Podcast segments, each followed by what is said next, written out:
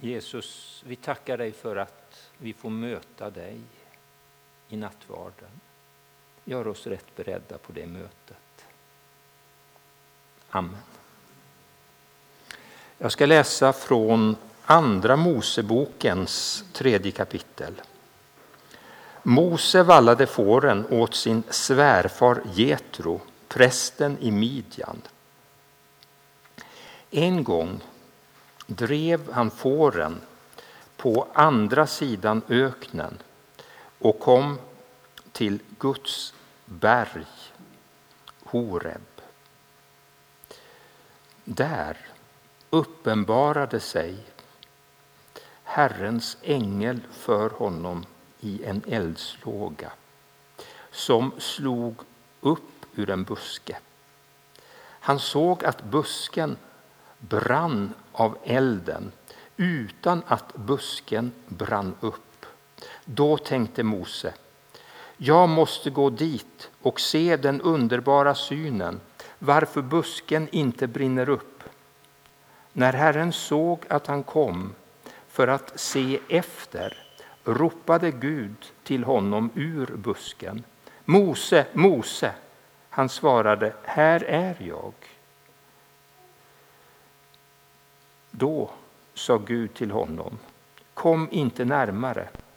Ta av dig skorna, för platsen där du står är helig mark. Och han sa, jag är din fars Gud, Abrahams Gud, Isaks Gud och Jakobs Gud. Då dolde Mose ansiktet, för han bävade för att se på Gud.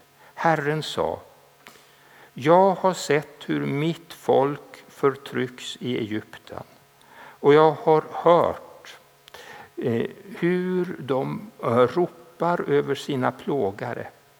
Jag känner deras lidande. Därför har jag kommit ner för att rädda dem från egyptierna och föra dem ut ur landet upp till ett gott och rymligt land, ett land som flödar av mjölk och honung, en plats där det bor kananéer, hittiter, amoreer, periseer, hiveer och jebusiter. Nu har ropet från Israels barn kommit upp till mig och jag har sett hur egyptierna förtrycker dem. Så gå nu, jag ska sända dig till farao och du ska föra mitt folk, Israels barn, ut ur Egyptens land. Så lyder Herrens ord. Gud, vi tackar dig. Mose Mm, var personen som ledde Israels folk ut ur Egyptens land. För det första. Det vi märker när vi läser det här kapitlet och nästa det är att Mose inte direkt säger ja. Det är fem invändningar han har. Men till slut så går han. Gud hade en uppgift åt honom. Han gick in i den. Det här kan vi lära oss någonting utav när vi har uppgifter. Det finns en del som snabbt säger ja till uppgiften som Gud lägger på en men som sen inte utför den. Det finns andra som har invändningar och frågor och det är väldigt segt. Men så blir uppgiften utförd.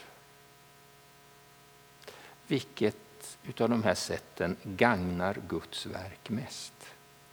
Givetvis det senare. Och läser vi mellan raderna i Gamla testamentet så ser vi att det ofta är en dialog innan det blir ett klart och slutgiltigt ja. Det Gud är mest intresserad av när han har en uppgift för dig är inte ett snabbt svar utan det är ett genomarbetat, klart och tydligt svar där du kan stå upp för det. Det andra som Mose fick förmedla det var tio Guds bud.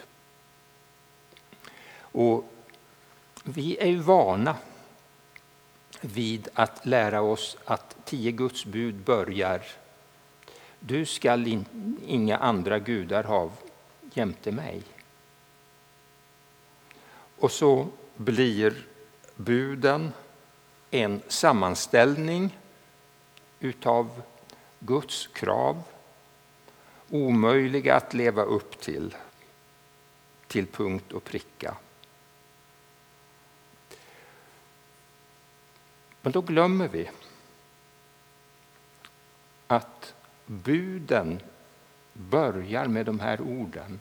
Jag är Herren din Gud som har fört dig ut ur Egyptens land, ut ur träldomshuset. Buden är inte en massa regler för att slå ner oss och visa för oss att vi inte klarar av att leva till Guds standard. Det är en sekundär funktion som buden har. Ja, så är det. Men den primära funktionen det är att buden talar om den kärlek som Gud har visat oss på och ger oss en möjlighet att gensvara på Guds kärlek.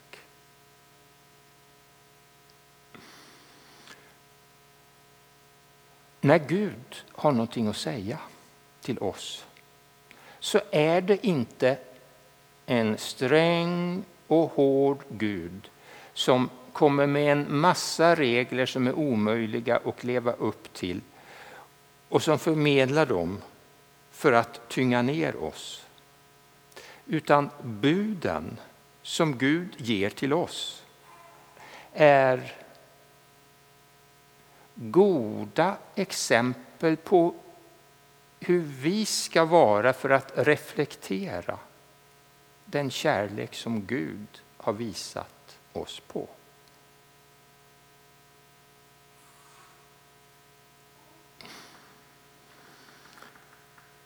När du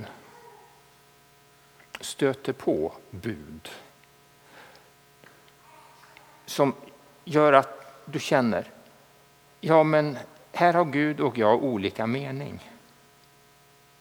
När du läser bibelord som du märker tar tag i dig, som gör att du behöver förändra en del, så är det en Gud som vet bättre än du och som älskar dig, som vill få dig att ändra kurs.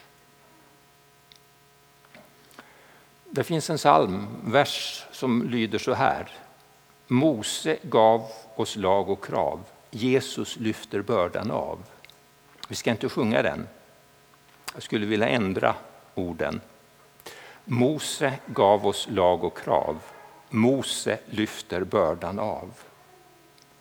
Det tredje som Mose gjorde, det är att han gav folken en möjlighet att redan innan försoningsoffret som Jesus kom med var verkställt visa på förlåtelsen som en förberedelse för det försoningsoffer som Jesus senare skulle komma med.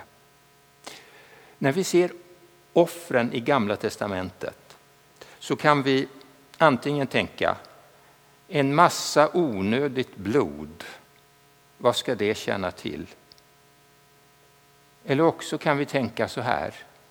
I provisoriska situationer när Jesus inte hade dött så ordnade Gud en provisorisk möjlighet till förlåtelse. Och då får djuroffren i Gamla testamentet en mening. Och då blir det ett exempel på hur Gud älskar oss och vill få oss att komma rätt med honom även då vi inte har kunnat leva efter hans bud och gensvara på hans kärlek som vi skulle. Nu får vi en möjlighet att på grund av det stora försoningsoffret som Jesus har kommit med öppet erkänna det vi har brustit, med, brustit i och ta emot förlåtelse. Och så i mässan bli förnyade i Guds kärlek till oss. Låt oss be och bekänna.